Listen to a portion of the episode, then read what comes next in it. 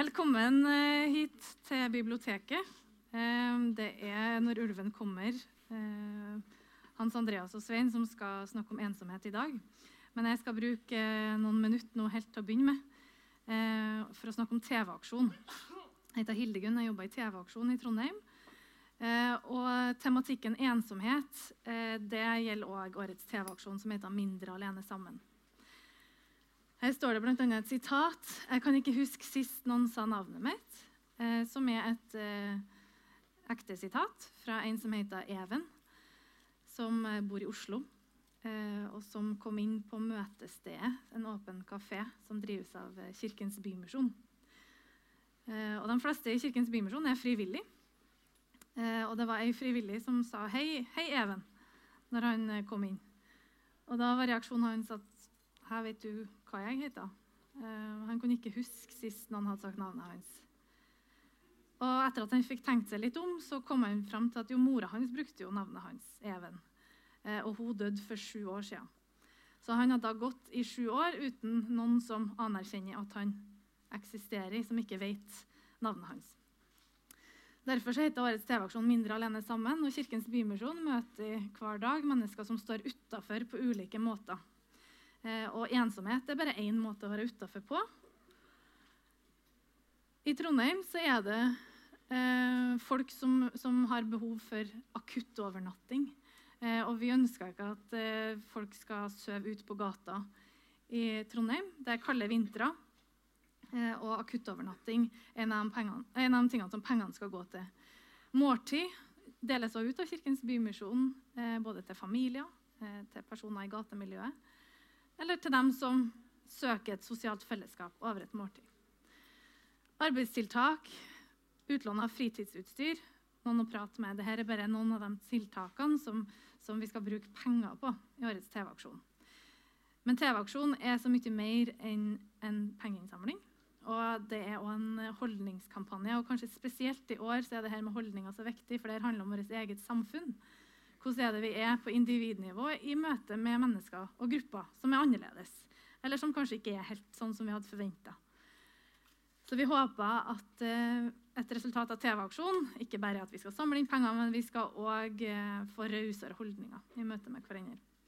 Og nå skal jeg eh, vise dere en liten video av en som heter Per, som forteller at for han var det helt rart å plutselig bli anerkjent. At noen tok han på alvor. Skal vi se her.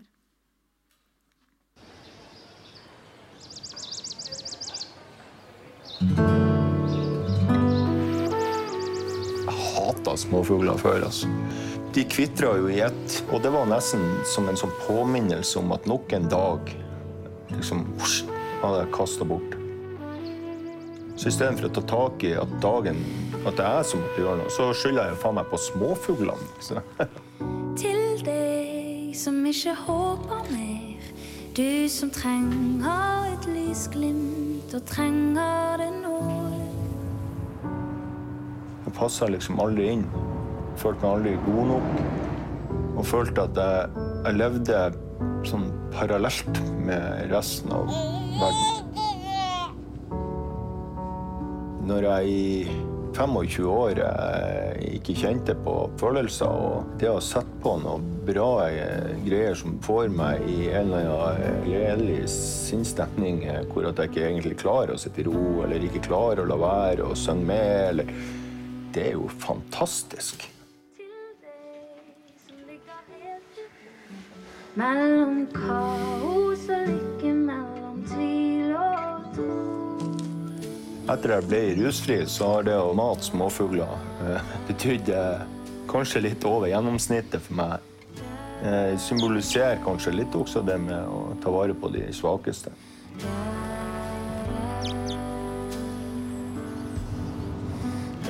Altså, jeg har jo vært en bruker av Kirkens Bymisjon. Det å kunne få et, et måltid, eller det å bli sett. Og, og nå kan få være en del av Kirkens Bymisjon, det er jo Ja. Jeg kjenner vi blir, jeg nesten litt rørt. Å være en del av det er nesten sånn at jeg lurer på om jeg våkner opp plutselig. Fantastiske folk. Jeg lærer noe nytt hver dag. Og da er livet bra fint. altså. Dette er jo det nærmeste jeg kommer til å være på en snurr. Det er jo snurr på hjulet. Jeg har ikke funnet opp måten jeg blir rusfri på. Jeg har bare kopiert det ikke sant? av noen andre, så hadde klart det. Må gi det videre til noen andre, hvis ikke så har det jo ingen effekt. Til deg som ikke sover mer, du som drømmer deg våken om alt du skulle gjort. Jeg, har, jeg kan ikke rette opp alle de tingene jeg har gjort, liksom, sånn, men, men sånne små menneskelige fine ting. Og smil. Liksom, det er faen meg gratis. Vi burde se hverandre mer. Altså. Og det koster ingenting. Halløys, mann. Skulle bare si at i dag gikk jeg og tenkte på for en bra fyr jeg syns du er.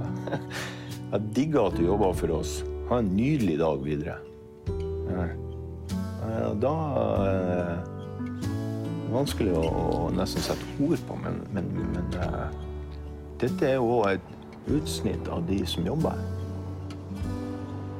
Det å plutselig føle seg verdsatt, eh, ja, det var helt rart for meg. Selv om alt løper fra deg og tiden går fort.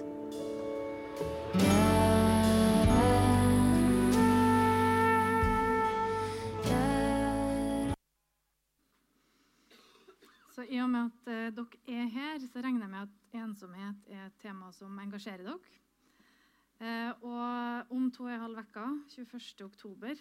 så har dere muligheten til å bli med og gjøre en liten innsats eh, gjennom å gå to timer eh, søndagstur eh, som bøssebærer. Vi trenger bøssebærere, og det TV-aksjonen er jo hele Norges store dugnad. Det er faktisk verdens største innsamlingsaksjon. Så jeg håper at dere har lyst til å være med på det. Og har dere noen spørsmål, så er vi i TV-aksjon. Vi står her tilgjengelig både under pausen og etter arrangementet. Og da skal jeg eh, gi ordet videre til Svein og Hans Andreas. Takk for meg.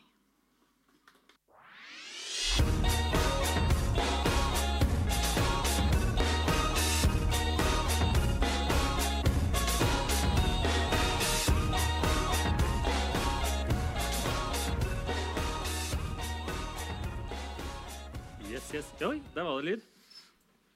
Og da fikk du pilsen din? Da fikk jeg pilsen din. Men rett før. Åh, det her blir skummelt. Jeg er redd den kommer til å smake veldig godt. Supert. Så artig at det er så mye folk. Vi hadde lyst til å ha flere enn sist, og det har vi klart. Det er jo klart. Det er nærmere 230 stykker her nå. Det Det var ikke så bra respons. for Nei, Nei. Selvfølgelig kommer ikke de med noen respons. Ja, men vi vet vi er 200, vi sitter jo her. Det er jo oss, på en måte. Så er det ikke noe. Greit. Eh, Temaet i dag ensomhet. Eh, Syns det passa bra eh, i sammenheng med TV-aksjonen.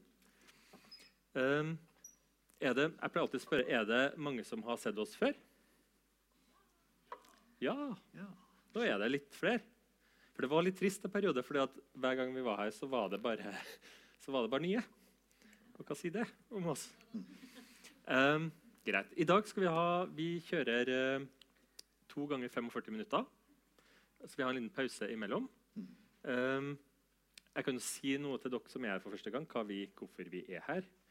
Um, jeg og Svein er jo psykologspesialister um, på hver vår plass, egentlig. Det kan vi si mer etterpå. Um, hvor vi da har en tanke om at vi kan noe om forskjellig. Og så er det jo bare helt idiotisk at vi sitter på hvert vårt kontor og skal vite det her uten å dele det på noe vis. Um, så derfor har vi da, tar vi opp forskjellige psykiske eh, vansker og, og utfordringer. Og så snakker vi litt om det ut fra den perspektivet. Og så liker vi at dere snakker med oss. Så vi kommer til å stille spørsmål, og dere kommer til å svare. Vi skal ha Og rollespill. vi skal rollespill, og det blir fliring, og det blir så trivelig. Eh, så det her blir bra kveld. Um, ja, sånn at, så, og så ønsker vi å snakke om det som eh, kan være utfordringer, og så kanskje vi har noen verktøy eller noen tips eller råd som kan være eh, være ålreit å ta med. Det var noe av det første du sa da vi snakka om å gjøre det her. var jo at Du sa det var så mye om psykologi og psykiske vansker og utfordringer, og så mye om følelser. men egentlig ikke så veldig mye om hva vi skal gjøre med alle de følelsene. Jeg synes det at altså, Vi har blitt så flinke til å snakke om følelsene. og det er jo det vi, det er det vi gjør med ungene våre. Og, og, altså, det er den der Vi oppfordrer til å si hva du mener, må si hva du tenker og føler. Mm. Så det, Vi har veldig mange mennesker som er veldig bevisst de har angst og depresjon, men de har ingen anelse om hva de skal gjøre med det. Mm. Og Da er vi på en måte ikke så langt likevel, tenker jeg da. Et klassisk eksempel før var at det har vært en katastrofe. og Så gikk du til krisepsykologen som fortalte om alt som kunne skje av dævelskap i ettertid. Du kunne få mareritt og bli psykotisk og få alt mulig sånn. Og så ble man ikke fortalt om hva man skulle gjøre med det, så man fikk bare vite om alt som kunne skje. Og så takk, takk for nå, og ha det bra. Og det er jo ikke så veldig smart. Nei. Nei. Um, ja, så det var litt om, om konseptet. TV-aksjonen. Mm. Um, skal vi bare kaste oss ut i det? Kast i vei. Kast i vei. Da, Svein, hva er ensomhet? Vi begynner der. Hva, hva er det vi snakker om, egentlig? Ja, og Siden jeg er psykolog, da, så må jeg svare med ja, hva syns du, da? ja, jo, men uh, jeg er mer opptatt av hva du Ja. Hvorfor har du sånn motstand til at jeg stiller det spørsmål, da, Hans Andreas? Ja, ja, så er vi i gang. så er vi i gang. Ok, men ok, det var altså jeg vet, ja, ja, klokka er over, og vi drikker øl. Ja. Vet du hva? Eh, hvis to uh, altså, Det er to psykologer som, som da eh, velter seg over i senga etter en hyrdestund. Og så sier den ene psykologen til den andre Ja, jeg, var, jeg vet det var godt for deg, men var det godt for meg? Det er litt det vi holder på med her, da. Ja, nei, altså, jeg, jeg, tenker at det kunne vært artig å høre hva folk uh, der ute tenker først. Da. Jeg kan ja. si hva jeg mener, men, uh, og hva forskningen sier. Uh, men det er artig, og alle, veldig mange sier den klisjeen ja, man behøver ikke være ensom selv om man er alene. Så hvis mm. noen som hadde tenkt å rekke opp hånda og si det, så bare dropp det. men er det noen som har noen tanker om hva ensomhet er? Altså, er det noen som tør å gutse? Vi har jo sånn vi tuller med det at det er den som har det beste svaret eller beste spørsmål, skal få en pils. Så vi kan jo, ja, eller du spanderer oh, helt ut av, oh, ok, Det er sånn det har blitt, ja. Men det er noen som tør å gutse på det? liksom Den første som rekker opp hånda og sier noe. altså Hva, hva er ensomhet? eller er, Og da, da fikk vi et Q sist gang vi gjorde det. Ja, så ble det kjempebra. Da, for da var det masse Vi hadde en kjempefin dialog. Og så blir jo det her tatt opp og gitt ut som en sånn podkastepisode. Problemet med det var det at spørsmål fra salen ble ikke kom ikke med. for det var snakka ikke i mikrofon. Så der sitter jeg da, og Svein og snakker som noen idioter ikke sant? og svarer ikke gevær på ting som ikke har blitt spurt om. Så bruk mikrofonen. Og ikke legge den i fanget. Det er ikke sånn mikrofoner funker. Du må ha den opp med munnen. Ja. Og da gjentar vi spørsmålet. Er det noen som har noen tanker om hva ensomhet er eller ikke er? Oi, oi, oi. Det blir vanskelig å velge. Der, der. der. Ja. Ikke lov å snakke uten mikrofon. Men, ja. du, du, hadde noe du hadde lyst til å si? Få høre. Det er akkurat det du sa. Altså, det er i hvert fall uh, mangel på tilhørighetsfølelse. Mangel på tilhørighetsfølelse. Ja. Mm. Godt sagt. Jeg kjøper det. Og det får vi et nytt uh, definisjonsspørsmål. Hva er til, tilhørighet? Hørlighetsfølelse. Ja. Mm. ja. Tilhørighet. Han uh, Even, hva kan han hete? Du tenker på lydmann Håkon? Nei. Nei? jeg tenker Når jeg ser sånn, så er det fordi i stad var det en skjerm der. Oh, ja, oh, ja. Han var oh, ja. oh. kommunikasjon. Ja. Tema for neste gang er kommunikasjon. Ja, ok. Greit. Uh, nei, han, var ikke han Even het han som var fra en rusmisbruker. og sånn. Han sa det å bli sett. Hva kan jeg si? Bli sett. Uh, og, og, det som, Hvis vi forholder oss til hva forskninga sier, da, som da forsker på skadevirkninger av ensomhet som vi kan si litt mer om etterpå, for det er faktisk veldig skadelig. Ikke bare psykologisk, men også fysisk. faktisk. Eh, det er jo at du skal være nær noen som du er glad i, eller som er glad i deg. Og Det er kanskje det du mener med tilhørighet. Altså glad i er jo, altså du skal ha noen, det, det er ikke bare at du er sammen med fotballaget til eh, Barcelona. Det må være noen du er interessert i. Det er det du mener med tilhørighet. ikke sant? Eller? Nikk nå, eller? Ja, mennesker som man har en eller annen relasjon til. Mm. Slik at Hvis du er sammen med alle disse folka her, hvis du er her for på når ulven kommer hver dag i ei uke, her nå, og du ikke føler tilhørighet, så vil det ikke hjelpe deg at du er sammen med disse personene. Så nå sitter dere 230 stykker sikkert. Eh, og dere alle sitter sammen. Hva alle som er ensomme, rekker opp hånda? Nei, jeg var stygg. Ja, det var det. Ja. Nettopp. Bra. Mm. Og det leder oss til neste spørsmål, når jeg sier at det er farlig. da. Mm. For farlig, hva er nå det? Og det er det som er så spennende med mye av den forskningen som er blitt gjort de siste åra. Fordi før så hadde man en sånn tanke om at man kunne kompensere fysisk nærhet, sånn som vi er nå, med å være mye på chatteforum eller spille online-spill eller lignende ting. Men vi mennesker er jo laget, vi er jo genetisk uforandra de siste ca. 40 000-140 000 år siden. Eh, og da var jo ikke noe Nintendo, hvis noen har lurt på det. Og Det ser ut som mye av det her er hormonelt betinga.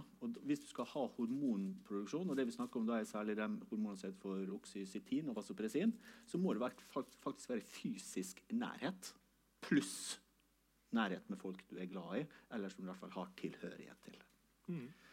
Og det er ganske interessant, fordi da kan du se folk som eksempel er blitt forska mest på kreft. da. Folk som har kreft, som uh, scorer høyt på ensomhet, har faktisk dårligere prognose. Så de, de dør oftere. da. Langvarig syk. Og de har mindre effekt av medisin.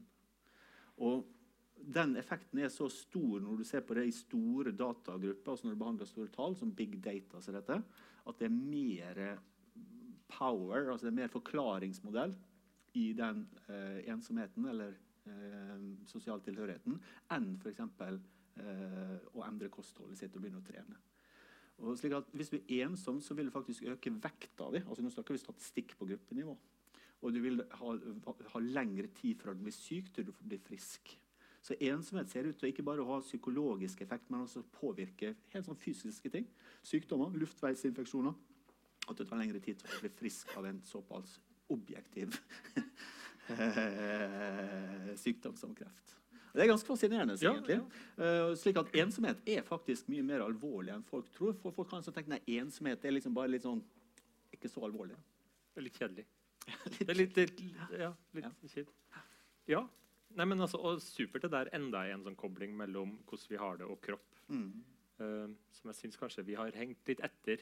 Ja. Hode, hode og kropp henger sammen. Vi er liksom veldig på 1980-tallet fremdeles. Enten så er det psykologisk, eller så er det biologisk. Mm. Og sånn er ikke det. Nei, sant? Ok, Så ensomhet er farlig. Ensomhet er farlig.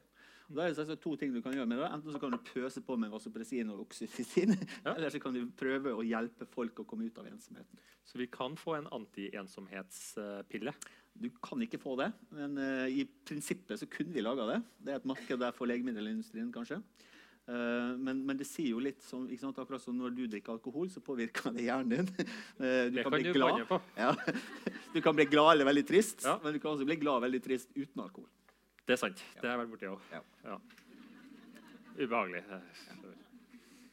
Eh, ja, ikke sant. Um, vi har, jeg, jeg, jeg jobber jo i hvert fall med kidsa, Mm. og de sitter jo mye på data, og de spiller spill, og de chatter, og vi har alle de her plattformene. Mm. Kan man, altså, kan man være veldig mye alene, men allikevel ikke være ensom, hvis man da har kontakt på nett? Og hvordan, tenker du det? Eh, Det er to ting her. da. Det første var man veldig redd for at eh, ungene, hvis de var for mye på nett, at det var skadelig av mange forskjellige grunner. Alt fra stråling fra skjermen til at de ikke klatra i trær og lekte med biler. Eh, og Der ser det ut som at det ikke er så stor bekymring, så lenge de ungene på en måte også er med i speideren eller spiller fotball, eller hva nå ungdom gjør i dag. Mm. Men, uh, og hvis du selvsagt er ensom, så er jo alt bedre enn ingen, ingenting. Uh, akkurat så det er bedre å skulle si, ta tre knebøy enn ikke, ikke å ta noen knebøy. Men det beste er jo å trene på tre, eh, Kne, ordentlig. knebøy er noe man gjorde på 60-70-tallet. Uh, ja. Takk for det. Ja. Han tror han er så yngre enn meg. vet du. Her må jeg bare si bare sånn digresjon. Jeg, på, jeg jobber jo til vanlig på, på avdeling Brøsset, som er en sånn sikkerhetsavdeling og massevis av rettspsykologer, rettspsykologer, nei, rettspsykiatere. Og der sitter jeg sammen med da mine kollegaer, som da ser på meg som han unge. Oi. Ja. Ja. Ung, ung rettspsykolog. Jeg er 50 år, da. Ja, ikke sant? Oh, ja, OK. Det er det nå. Eh, og, så, eh, og så sa de det at det var, var kommet en ny dommer. Da, den gamle, gode dommeren som var kollegaen til disse her, mine eldre kollegaer. Da. Så sier han men nå, nå har det kommet en ungdom istedenfor han. Han dommeren, da. Så den ungdomsdommeren han var 63 år gammel. Oh, så. Men du er ikke så mye eldre enn meg, bare så det er sagt. Eh, Men mye eldre. Nei, jeg- nei, nei, vi er om er jevn... Er det du prøver deg på? da? ja, du sier det 80-tallet med knebøy og sånn, sånn. Du jobber med kidsa. Du blir ikke ung av det, vet du. Du bare tror at du blir ung. Du blir ikke ung av å kle deg som du er ung, vet du. Nei, det er sant. Ja, men nå we are dig- digressing. Ja, vi var på data. Ja, og da viser som sagt forskninga at det er ikke så, så gærent å bruke mye tid på data så lenge du samtidig er ute blant folk. Men som jeg sa i stad, den eh, fysiske nærheten kan aldri erstattes. Så du kan jo prøve, Det vil hjelpe selvsagt, å ha en, ha, ha en tilhørighet sammen med dem som du gjør et eller annet raid med på World of Warcraft. Eller noe sånt. Det er fint, det. også. Mm. Men det vil aldri fullt ut kunne erstatte det å raide noen på ordentlig. for å si det sånn. Eh, Se, nå var, nå var, det der var litt ungt sagt. Ja, det der, det der likte jeg. Det var bra. tok meg sammen. det. Ja, ja. Raide, ja. Raide, ja. ja. ja. Um, Det betyr ja. Beklager. Si- Jeg trodde du mobba meg, rett og slett. At det du, og raide betyr å angripe i samlet flokk. Ja. Beklager. ikke, ikke sitt og si til dama på første rad. Du skulle si, eh, raide. Det, det tar seg ikke ut. Nei, beklager. Uh, se her, vi, da skriver vi ut igjen. Yes, så, men det der med en Apropos oksytocin og sånne ting. Det jeg har lært, er jo det at det er noe vi, vi får gjennom eh, hudkontakt, Mm. eh, klem, Mm. altså den type rent Mm. fysisk nærhet Mm. som man ikke får gjennom dataspilling. Da. Mm. Eh, sånn at, så da forsvinner jo det, vil en tro. Ja. Og du behøver ikke ha fysisk kontakt. Bare sagt. Bare å sitte i samme rom med noen du har tilhørighet med, vil øke oksytocinproduksjonen Ja. din. Så det, det skjer noe mellom oss, selv om ikke vi er fysisk i nærheten av hverandre. Okay. Mm. Og oksytocin kan du faktisk kjøpe, bare så det er sagt. Ja. Ulovlig riktignok, på, på internett. Hvor, hvor hen da? Ja. Eh, men, men tanken da var jo det ble brukt som på en måte sånn, hvis du husker det begrepet spansk flue. Eh, ja. Ja, at du skal få folk til å bli interessert i deg eller seksuelt opphissa. Ja. Eh, Og så er tanken da at du skal gå ja. Så, og, Men det er jo samme prinsippet. Men oksycytin produserer også, også uh, veldig mye når, når kvinner eh, eh, blir gravid. Får, får det, uh, gjennom at man får større eh, bryst, f.eks. Men Så det, her, er- det er jo ganske vanlige hormoner. Ler folk. Men poenget er at vi også kan få den økt produksjonen selv om vi ikke er gravide. Ja. Uten å ta på deg. Hvis jeg liker deg. Eh, Sven, sånn uh, mobbing, for å snakke om noe helt annet. Uh, altså fordi at det er jo også mye snakk om mobbing nå. Ja. Og så tenker jeg det der med Det er jo på en måte en veldig sånn aggressiv form for ekskludering Mm. ut av tilhørighet og, og forskjellige miljøer. Altså Er det der vi ser dem, tenker du? altså ser, ser, Finner de ensomme? Er det de som har blitt mobba ut av noe? Ja, det kan, Å bli mobba er kanskje noe av det verste et menneske kan oppleve. Da, bare sagt. Fordi at eh, i den alderen der eh, barn eh, orienterer seg vekk mer og mer, vekk fra foreldrene og over til eh, og, og en gruppe, så er du ekstremt sårbar i forhold til selvbildet ditt. Og hvis du da eh, opplever da at ikke du er verdt noe, eller at ikke folk vil ha kontakt med deg, eller til og med at folk sier stygge ting systematisk over tid, så, uh, så for det første så får du på en måte får ikke bygd opp selvbildet ditt, men du får også mindre trening på sosiale ferdigheter, for det er jo det som skal skje i den perioden der.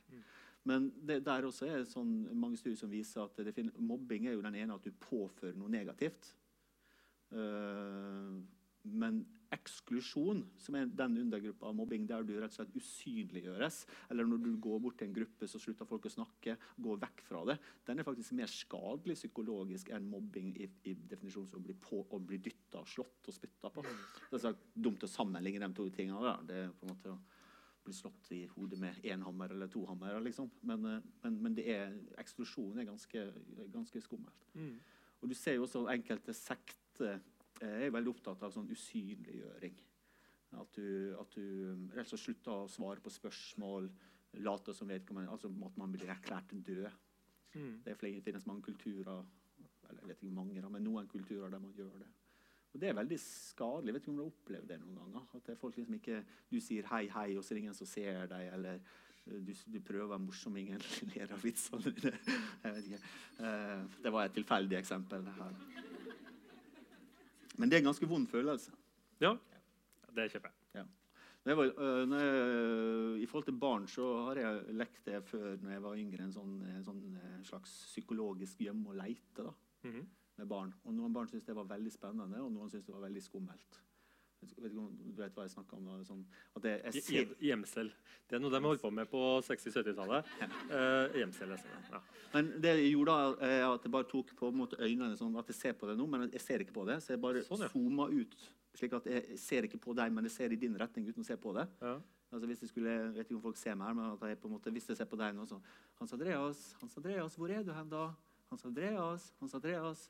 Og noen, når jeg sitter på den måten der, og på en måte, du får du vant til at når du får blikkontakt, så føler du tilhørighet. Ja. Men hvis du rett og slett bare med vilje bare zoomer ut pupillene dine, slik at du ikke får den blikkontakten selv når du ser i samme retning, Mm. det er noen barn som syns det først er veldig morsomt, og så blir de skikkelig redde. Ja.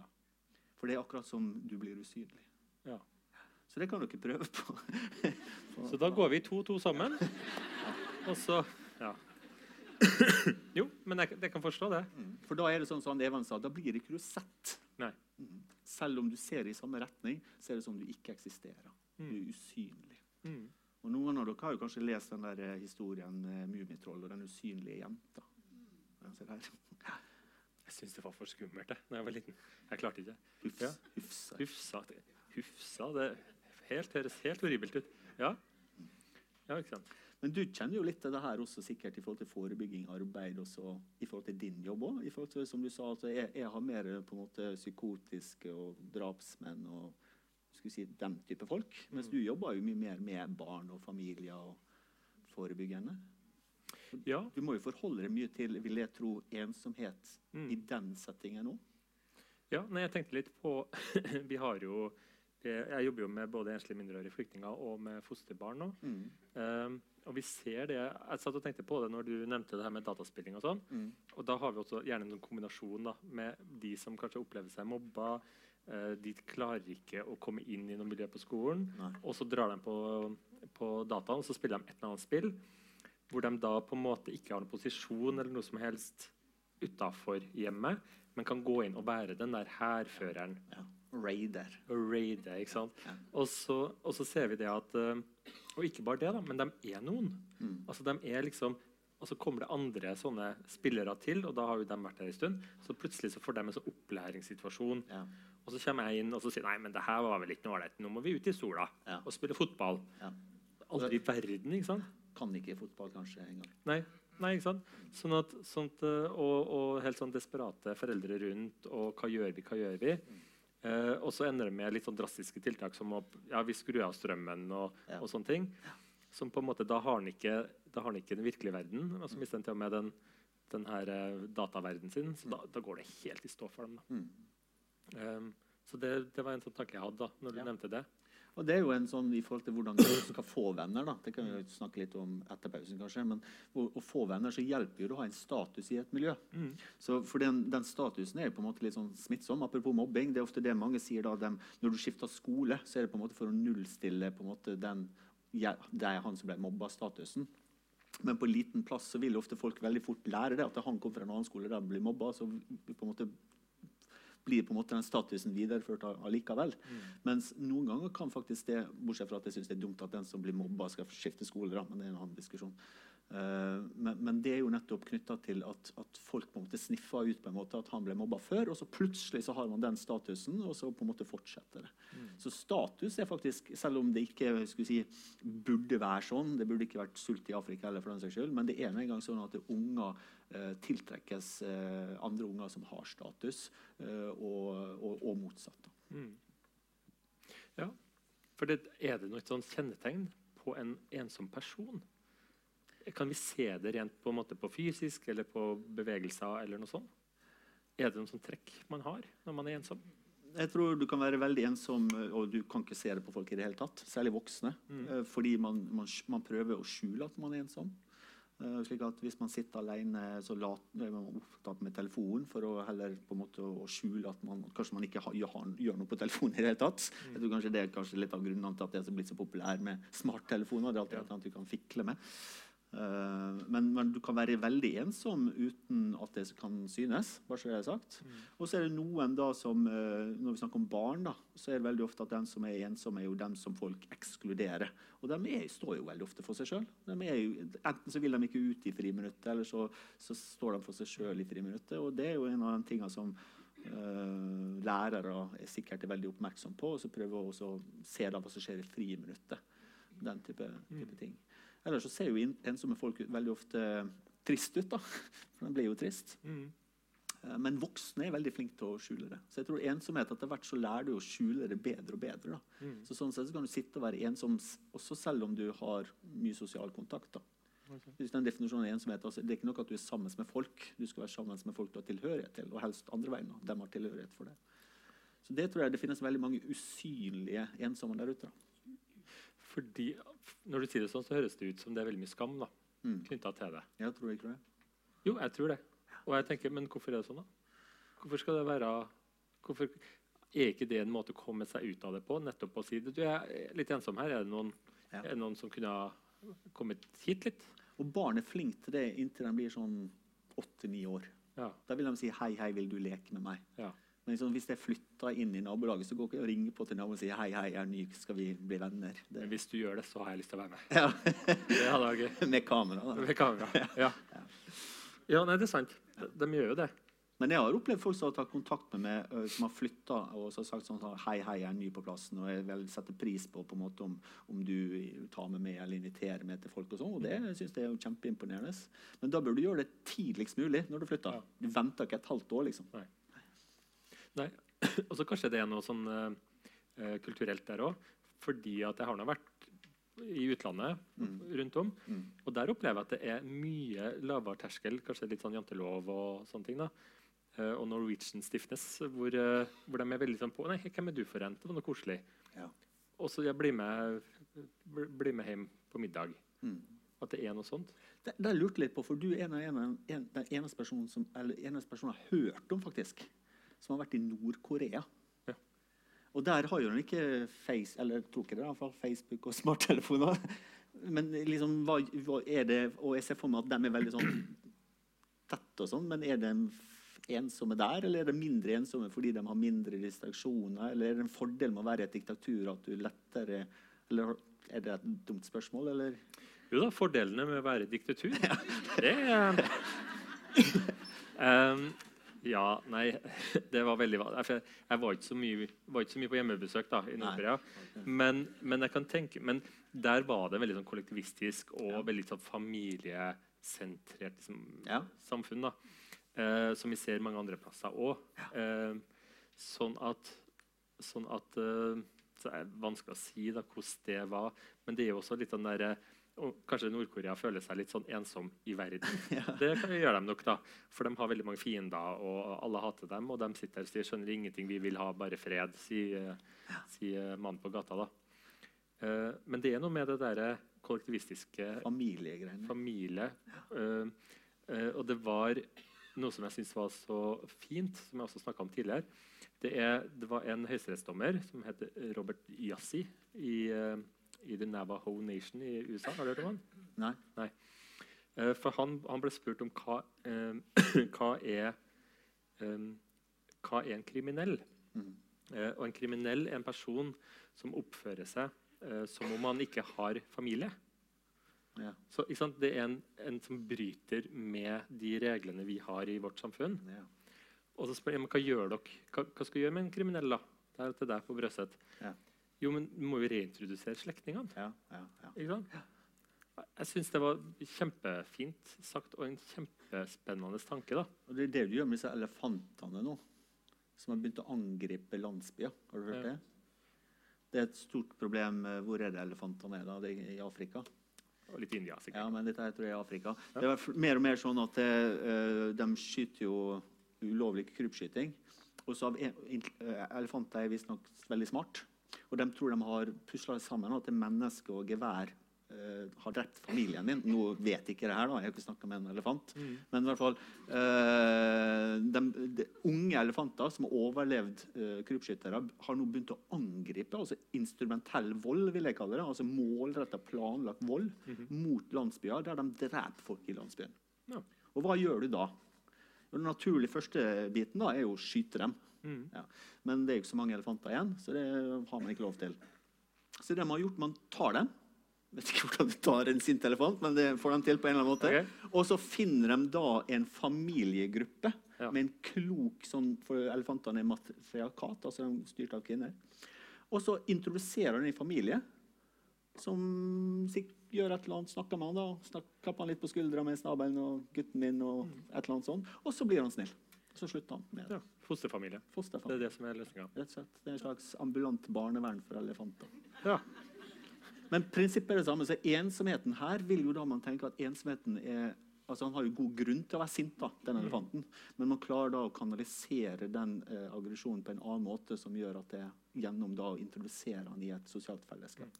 Så det er en ensom liten elefant som blir veldig veldig sint og da aggressiv. Og så drar han tilbake til å bli mindre ensom, og så blir han mindre sint. Og jeg har jo en del ungdommer som oppfører seg som elefanter. Ja.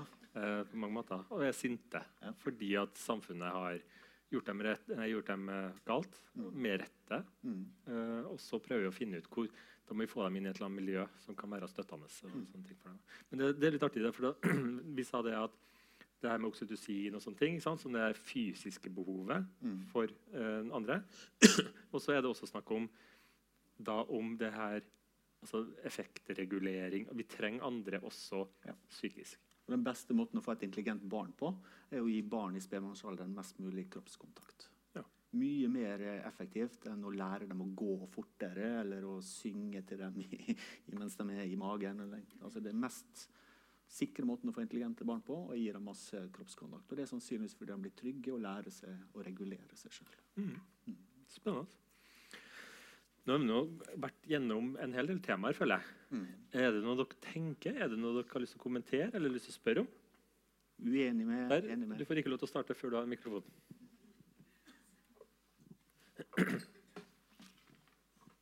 Jeg bare lurer på det her med oksytocin og nærhet og sånn. Eh, Det er jo en del som er mer og mer i media nå, personer som snakker om at de er ensomme selv om de er sammen med folk. Og du har jo det her med tosomhet og flere, blant annet både du si, fremmede og kjendiser, som sier at de har alt, men de er ensomme. Og hva er det? Har de da ikke samme anlegget for å få oksytocin eller det her, eller hva, hva går det på, da? Sånn skal du si, psykologisk, biologisk? Altså, I psykologien så snakker vi om personlighets, eh, altså personlighetstyper. da, så er jo noen personlighetstyper veldig arvelige. F.eks. innadvendthet er vel det mest eh, arvelige arvelige eh, personlighetstrekk som finnes. altså Det er sjelden begynner innadvendt og dør utadvendt eller omvendt. Eh, men, men du har et begrep som heter for selvforsynt, som også er et sånt psykologisk begrep, og viser til at noen personer har veldig lite behov for andre mennesker. Men da, du, da opplever du vanligvis ikke det som ensom. Da opplever du faktisk det som ganske fornøyd, fordi du trenger ikke egentlig så mange andre. Mens andre er jo hypersosiale og på en måte er veldig opptatt av det. Men det som heter fotosemet og lignende ting, er vel mer at er man er sammen med folk, men man føler at man er si, på, på, på en annen planet. Da. Så selv om det er mye fysisk sammen med, og selv om du i utgangspunktet skulle tro at det, du eh, ikke er ensom når du er sammen med en venn eller en kjæreste, så kan du allikevel være det fordi du opplever at det du snakker forbi hverandre, eller at du ikke blir, blir hørt. Da. Men jeg tenker jo, det er jo et ansvar du må ta sjøl. Altså hvis du føler at partneren på en måte ikke forstår deg, da. Min kone forstår meg ikke, si, den type ting, så må jo du ta det opp. da. Så jeg tror kanskje at det er en kombinasjon med at du ikke helt vet hvordan du skal ta det opp, fordi du er redd for å såre den personen, eller at du er redd for å kludre til, eller det er jo ganske vanskelig tema å snakke om, at du rett og slett ikke behersker den sosiale ferdigheten lignende til det. Men det er jo det er en spesiell form for ensomhet, eh, tenker jeg. Ensomhet på tross av at du faktisk har en muligheten til, til å gjøre det. Du har en, eh, en Søren Kirkegård sa jo det at han, han eh, hadde vært på fest og sa noe etterpå at han aldri følt seg så alene i hele, altså i hele livet Mm. som da han var på fest. Ja. Og sant, da er vi kanskje tilbake på tilhørighet, da, hvor eh, det var snakk om uh, Han følte seg kanskje ikke som en del av det. Og så videre. Ja. Du får mikrofonen. Jeg bare eh, reagerte litt på den definisjonen av tosomhet. Mm. For det har jeg oppfattet som at det paret har nok i seg selv. Og ikke har annen sosial, eller ikke i noe særlig grad annen sosial omgang. Så man alltid snakker om vi og Ja. oss, og aldri om jeg. Ja, ja. Ikke sant? At det, det har jeg oppfatta som å være tosomhet. Ja, det er godt innspill. Eh, jeg tenker at Det er ikke noen sånn vitenskapelige definisjoner vi snakker om her nå. Eh, men eh, Det kan jo være flere typer, ikke sant? sånn som du sier. Men allikevel da Det, det blir en, en veldig spesiell form for ensomhet. da, At på en måte man er mer at man har, Det vil, er vel heller mer som en selvforsynthet i det paret. da, for å si sånn. Og, men hvis de ikke syns det er noe problem, så er det ikke noe problem. For å si sånn. Så for meg for ensomhet vil det jo være først når du opplever det som et problem. Vil jeg tenke da. Hvis det ikke er et problem, så er det ikke et problem. Det var ikke så, var ikke så klokt sagt det, da, men du forstår hva jeg mener. Ja. Vi, vi behøver ikke å gjøre det et problem hvis det ikke er et problem. da, for å si det sånn. Nei, det her var fint. Er det noen flere som hadde lyst til å si noe? Jeg tenker på Hallo. Hallo. Jeg tenker på mm, at uh, når du er veldig ung, så er du veldig usikker på mange ting, og det er så mye som ikke er på plass, liksom sånn såkalt etablert. ikke sant? Mm. Så da kanskje man har lettere for å Eller man, da blir man på en måte mer avhengig av oms, omgivelsene, Mm. omstendighetene. Mm. Mens du da, når du har levd eh, en stund og, og føler at du har fått ting på pla litt mer på plass, så kan du jo egentlig tåle å være eh, mer alene òg. Ja. Helt klart. Det, men der, sant, der, der tar, du frem det der med at du kan godt være alene uten å være ensom. Og du kan være ensom selv om du ikke er alene. Uh, men så kan du tenke deg at hvis du har vært ensom da, eksempel hvis du har blitt mobba da, i, helt til du blir 25 år, så er det veldig vanskelig da å ha den soliditeten som du forteller med voksne. Og jeg har jo møtt fryktelig mange voksne som, som ikke er sikre på seg sjøl i det hele tatt. bare så det er sagt. Eh, Så det er jo et problem i, i, i seg sjøl. Eller så tar du frem et annet viktig tema. som Det er jo veldig mange folk som vil utnytte ensomme folk. Fordi folk som er ensomme, vil jo gjøre veldig mye for å komme ut av ensomheten sin. Så veldig mange sekter, veldig mange eh, radikale organisasjoner driver på med det som man kaller for lovebombing. Altså at de, de signaliserer et eller annet 'kom til oss', 'kom til oss', her får du kjærlighet. Og så får du mye kjærlighet. Eller det er jo egentlig ikke kjærlighet, men det oppleves. Ja, radikale folk, om det er sekter eller om det kan være religioner, sånn, som, da, som da aktivt går ut og finner ensomme folk fordi man da vil få dem inn i sitt system. Og da Folk som er ensomme, vil jo kanskje gå mer på, på ting enn folk som ikke er ensomme. vil si ja til ting de ellers ikke gjør. For dette er en strategi som de gjør da, for å rekruttere folk. Var, jeg hører ingenting uten mikrofon. Bare et lite øyeblikk, så Men, men jeg tenker det jeg dro ut av det spørsmålet også, Mm. det var jo det der med altså livsløpet. Mm. For du, du nevnte jo det der med 0 til 8-9 år. Mm. Og så tenker jeg at vi, kanskje vi skal gjøre det eh, etter eh, pausen? At vi går igjennom på en måte livsfasene òg, og så si noe om altså, For én ting er 0 til 9. En annen ting er jo de her liksom, ungdomsårene, som kan være vanskelig for de fleste. Mm. Og så kommer studietida fra 20 og Ja. opp. Og så har vi etablering, småbarnsfasen, og så helt opp til altså pensjonsalder og, og over. Da. Ja, og forskjellige grupper. Ja. Eh, For her så har vi den SHoT-undersøkelsen i Trondheim som viser en del om hvordan studenter opplever ting. Men bare for, i forhold til det, bare for å oppklare det med radikale, for det, var det du spurte hva jeg mener er radikale. Radikale her vil være alle, alle grupperinger som er utenfor eh, det som folk flest vil si er vanlige. F.eks. I USA har du en, en rekke radikale organisasjoner knytta til eh, som, eh, som har eh, for forskjellige sekter. da. Eh, Det kan være forskjellige grupperinger som, som vil ha folk til seg. Det kan være alt mulig. det. eh, men med radikal her så mener jeg bare at de er ekstreme i en eller annen type. Og De vil da gå ut aktivt og finne ensomme personer for da å gi dem massevis av oppmerksomhet. Og da ser, ser, man, ser, man, da ser man da at de personene vil tåle et ganske ekstremt politisk eller religiøst uh, budskap fordi de på en måte tenker at dette her er jo snille folk som vil meg vel, og dette er første gang jeg er blitt møtt på en god måte med kjærlighet. Og så er det kanskje ikke så dype, dypt ment.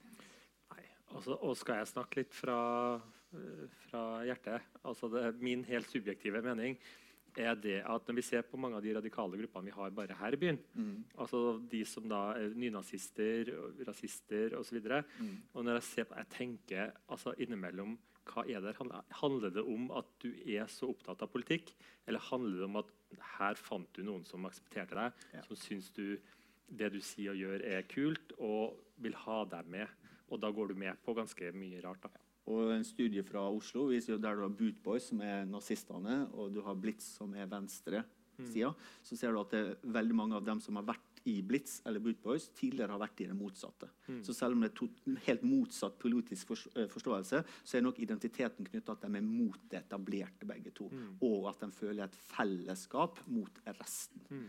Og Det er fint når du er ensom. Hvis du finner en gruppe som du kan identifisere deg med, og det er i utgangspunktet positivt, mm. så er det noe som kan hjelpe deg. Mm. Men da, du, da, er ikke du sikker at du er så kritisk nettopp til innholdet og hva de mener. Dem. Dette kjenner vi alle sammen. Sikkert alle sammen som har vært sammen med en eller annen kjæreste eller kompis som man i ettertid tenker at det, jeg burde kanskje ha ikke vært så godtroende. Ja, Apropos godtroende, så det der med Jeg ser det spørsmålet, jeg skal bare si ferdig. I forhold til det med og det, det er trist på mange måter, men det har vært de som har øh, gitt altså TV 2 hjelper deg. De som ga bort så å si alle pengene sine. Mm. Fordi at hun hadde da hadde en frier eh, i USA eller hvor det var hen. Mm. Eh, og så var det pga. en ensomhet, vil jeg tro, da, som var med og fyrte litt opp under at her er det noen som er glad i meg, som vil ha meg. Mm. Da er jeg villig til å gå ganske langt da, for mm. å imøtekomme vedkommende. Mm. Og ei som ble tatt med kokain på flyplassen i, i Colombia, mm. også som fortalte at ja, det var en fyr jeg forelska meg i, og var kanskje litt naiv. da. Så kjærlighet gjør blind. Ja. Ensomhet òg, kanskje. Ensomhet gjør um, hvert fall at du får innskrenka synsfelt. Ja. Mm. ja, ikke sant. Det høres ut som en sånn, uh, sånn kjørelærer. Ja. ja, ok. Greit. Um, greit. Eh, det er ei som rekker handa opp, og tre venninner som peker på. Ja. Uh, skal vi Vi tar ett spørsmål, og så skal vi begynne å avrunde før pausen. Jeg vet ikke hvor mikrofonen er. Nei, du får, lov, du, får ikke, nei, du får ikke lov til å snakke, for det kommer ikke med på opptaket. Kan den som har mikrofon, få lov til å stille spørsmål? Ja, um, Jeg grubla litt på det dere sa innledningsvis mm. i forhold til årsak-virkning. Ja. Uh, for dere nevnte at uh, hvis man er ensom, så blir man mer syk og bruker lengre tid på å bli frisk. Uh, og at det fører til at man kan bli overvektig. Ja. Men så lurte jeg på forskninga der. Ja. Hvordan vet dere at det ikke er sånn at hvis man er syk, så blir man mer ensom? Jo, Det er et veldig godt spørsmål. og det hun har Nå nominerer hun til dagens beste spørsmål. Ja. Uh, svaret der er at det, man har forska begge veier på det, og, og, det går begge veier. rett og slett. Det selveste den forskningen jeg viser til, er jo særlig Susan Pinker. Uh, og Hvis du har lyst på en referanse, så er det The Village-effekt. Uh, hun har sammenstilt en hel haug med, med, studier som har forska på alt mulig fra Eh, overvekt til, eh, til, fedme, og særlig kreft. Uh, og, men det, de studiene, Hun har ikke selv forska, hun har på en måte sammenstilt da, såkalte metastudier. Uh, så forskning er ganske solid. Det er det som er litt over, overraskende. egentlig, for veldig Mange jo, kjenner jo til det at hvis du er ensom, så kan du for så vidt spise mer. For eksempel. det er jo ikke noe nytt. Uh, men jeg må presisere, det er ikke slik at nødvendigvis årsaken er at du blir syk, men du blir lettere syk på gruppenivå, og du, blir, du, blir, du dør tidligere, og du, du tar lengre tid f.eks. når du får kreft og får behandling. Så den som er ensomme, bruker lengre tid på å bli frisk, f.eks. Mm. Så Jeg skal ikke sitere alle på en måte forskningsdata hennes, men hvis du er interessert, så er det der. Og du kødder ikke med Svein når det gjelder referanser? Altså, da er det bare Du er god på det. Ja, takk. Men det er viktig når du får sånne spørsmål, så er det kloke folk, og da, ja. Eh, da må de ha ordentlig svar. Mm. Og som sagt, nominert. Og en applaus for det gode spørsmålet. OK, det er din kandidat. Nå kommer min kandidat til gode spørsmål. Det var jeg som hadde Ja. Nå må det bli bra. Vent, vent, vent. Selvdisiplin.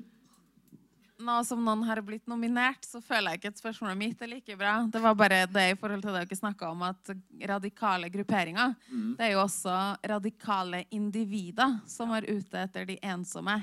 Det er godt sagt. Ja, så jeg lurer på om dere kan si litt mer om det. Hva slags type folk er det som eh, individer da, som er ute etter de ensomme? Er det mest sånn psykopater og sosiopater som finnes av sånne offer, eller er det noen vanlige folk oppi det hele òg? Bra spørsmål. Bra spørsmål. Eh, hæ?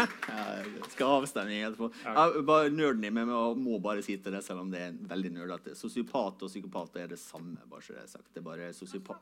Psykopat og sosiopat er det samme. Det er bare at man, at man var, syntes at psykopat var litt stigmatiserende, så da forandra man og kalte det for sosiopat. Akkurat som Før så kalte man tilbakestående, og så kalte man det utviklingshemma. Utviklingshemma, apropos. Før så var det slik at i gamle dager og nå ikke si noe nå, eh, I gamle dager, da snakker vi sånn eh, 1890, Okay. så var jo utviklingshemming det hadde jo et, Da skilte man i imbesill, og så hadde man idiot, og så hadde man komplett idiot. Så idiot var jo et faguttrykk i sin tid. Nå snakker jeg meg vekk fra Og, og, og mye brukt i min heim. Jo, da. men radikale, radikale personer Jeg tror jo at radikale personer kan komme i alle former. Du behøver ikke være psykopat for å være radikal. Men når du er radikal, så vil du ha en, en, en tilhørerskare. Det liksom ligger i driften, for du, du mener noe veldig sterkt.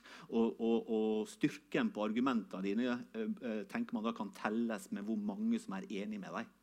Og da vil du nettopp bruke arena f.eks. på internett, det kan være åpne arena eller lukka arena, der du da prøver å rekruttere folk. Og jeg tenker at Du bør ikke være psykopat. Det hjelper jo selvsagt, da, bare så jeg har sagt. Eh, Men, men eh, å ha sterke meninger og være radikal vil ikke nødvendigvis si at du har en eller annen et avvik. La meg være tydelig på det. Eh, Men man blir veldig opptatt av å spre budskapet sitt. Veldig få folk med radikale meninger er fornøyd med å bare sitte med dem sjøl. Det ligger litt i psykologien i at det du, sagt, du er veldig opptatt av å bevise for andre og deg sjøl at det du mener er fornuftig, og da kan du på en måte bevise at du har mange tilhørere. Det tror, jeg var. Fint. Jeg må ta litt styringa, for nå skal vi ha en liten pause snart. Jeg vil bare nevne at Alle hadde et lite sånn ark på plassen sin når dere kom. Det er et lite evalueringsskjema. Det er noen studenter som har lyst til å evaluere hva dere syns om showet. Hva kan vi gjøre bedre? Hvilke uh, tema ønsker dere framover? Så når dere får tid før dere går hjem i dag, så noter gjerne på det. Og så gir dere det til studentene. Så kommer det stå en student eh, her foran og en ved døra bak. Så det hadde vært supert. Så før de eh, slipper ut i pause, altså, er vi flinke nok til å fange opp spørsmål? Um, vet ikke. Nei. Eh, kan, vi, kan vi få litt hjelp av folk rundt, og at vi selv kan bli flinkere på å se? For jeg har en sånn tanke om at det er folk som bare har vært sånn delvis opp, og jeg ser, det er så sterkt motlys at jeg ser ikke så godt inn i salen. Det det. Så dem som eh, ikke har fått svar på spørsmålet sitt, rekk opp hånda litt fortere, og så skal vi her oppe skjerpe oss. Høyt og hardt, opp med hånda. Og så, før pausen, så skal vi gjøre noe artig.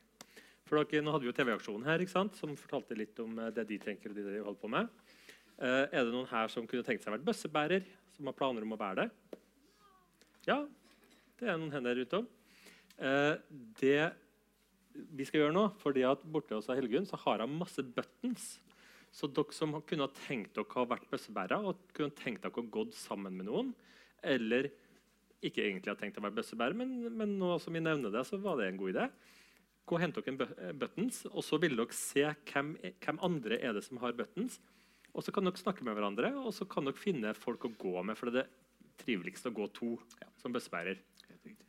Sånn at, eh, så da, da møter dere noen. Kanskje dere møter noen dere ikke ville ha gått med hadde ikke vært for TV-aksjonen. Vårt lille tiltak mot uh, ensomhet og TV-aksjonen sitt. Mm. Var ikke det en god idé? Ja. Så da går dere, Hildegunn står der med masse buttons. Og, har og Hildegunn har veldig lyst til å snakke om TV-auksjonen nå, så hvis dere har noe dere lurer på, eller noe sånt, så spør hun. Så sier det som jeg sier alltid, den som er forsinka, blir da frivillig til rollespill vi skal etter. Ja. Så vi møtes her nøyaktig klokka åtte. Ja. Jo, der kommer lyden. Hei! Der var dere igjen. Si hei. Har dere, vært- har dere vært der hele tida? Supert. Eh, da går vi i gang. Hvordan, eh, har det vært greit? Har dere vært og snakka med Hildegunn? Dere Jeg ser det er en del som sitter med buttons. Var ikke det litt artig? Hvem her er det som skal gå og være bøssebærer? Se her, Det er flere hender nå enn det var tidligere. Hvem er det som skal gå med noen de ikke kjenner fra før? En. Én. Yes! Vi gjør en forskjell, Svein. Men den, det blir jo rart at den som hun skal gå sammen med, vil jo da si at han Blånekte. Nei, nei, jeg har aldri sett det. Ja, men så bra. Eh, og, og Hildegunn kommer til å være her eh, også etter showet. Og så det er mulighet til å både eh, er det sign up eh, for det her. Og dere kan fortsatt eh, bruke muligheten til å snakke eh, sammen etter showet. Supert. Det tror jeg blir kjempebra. Greit. Da går vi på igjen. Showet heter jo Eller konseptet heter jo 'Når ulven kommer'. Og tanken vår der var jo det at hver, hver eh, gang vi møtes, så skal på en måte ulven være noe nytt. Dere trenger ikke å sende meg sinte mail om uh, ulvepolitikk. Det er Og så svarer jeg beklager, det handler ikke det, det, Du er helt på viddene, det er ikke det det er snakk om her. Jo, men nå skal du høre, for jeg er ikke fra Hedmark, og det går bra. Det tre ikke trenger ikke. Eh, så når ulven kommer, hver gang så er det en ny type vanske eller lidelse. eller noe, ikke sant? For eksempel, vi har hatt om angst, så når angsten kommer, så snakker vi om når angsten kommer. Når depresjon, eh, depresjonen kommer. Uh, vi har snakka om seksuelle vansker osv. sånn at, eh, og denne gangen er ensomhet. Så da blir spørsmålet uh, når ensomheten kommer. Så litt mer sånn fenomenologisk. Litt sånn, vi snakker litt mer om følelsen og opplevelsen av ensomhet. Hvordan er det når ensomheten kommer? Vet du hva? Og før du sier noe på den Det hadde vært så artig å kunne fått bare noen sånne korte beskrivelser fra publikum. ja, Skulle hatt sånn ordsky eller Eller sånn, ja, litt sånn ordsky. Noen, noen som har lyst til å kaste seg ut på det? Kan bare være en sånn Hva er det som kommer til Assosiasjonen du får. Ja, altså når, når ensomheten kommer. Hvordan, altså, er det noe kroppslig?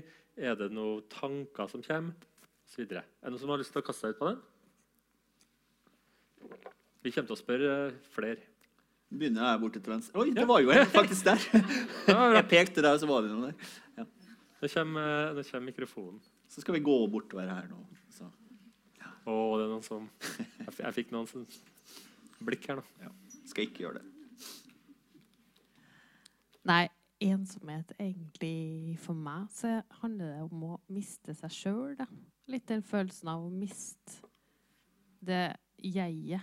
Mm. For at man har ikke noe tilhørighet, på en måte. Så det er noe du har en eller annen følelse du har av trygghet som pulveriseres eller som forsvinner? Altså du har noe fra i begynnelsen av, tenker du? Ja. Det, altså for meg så har liksom det å være ensom når man, når man ikke var ensom, så hadde man en eh, større krets, man hadde noe å gjøre, og man hadde en følelse av eh, mening. Mm. Mens når man er ensom og mister denne meninga i hverdagen, så mister man seg sjøl litt da. Mm. Mm. Jeg, tenker, jeg får sånn den der identitet Mm. fordi at av, av å være sammen med andre altså det, det er jo noe identitet, da, for at vi definerer hverandre veldig opp mot og i forhold til hverandre.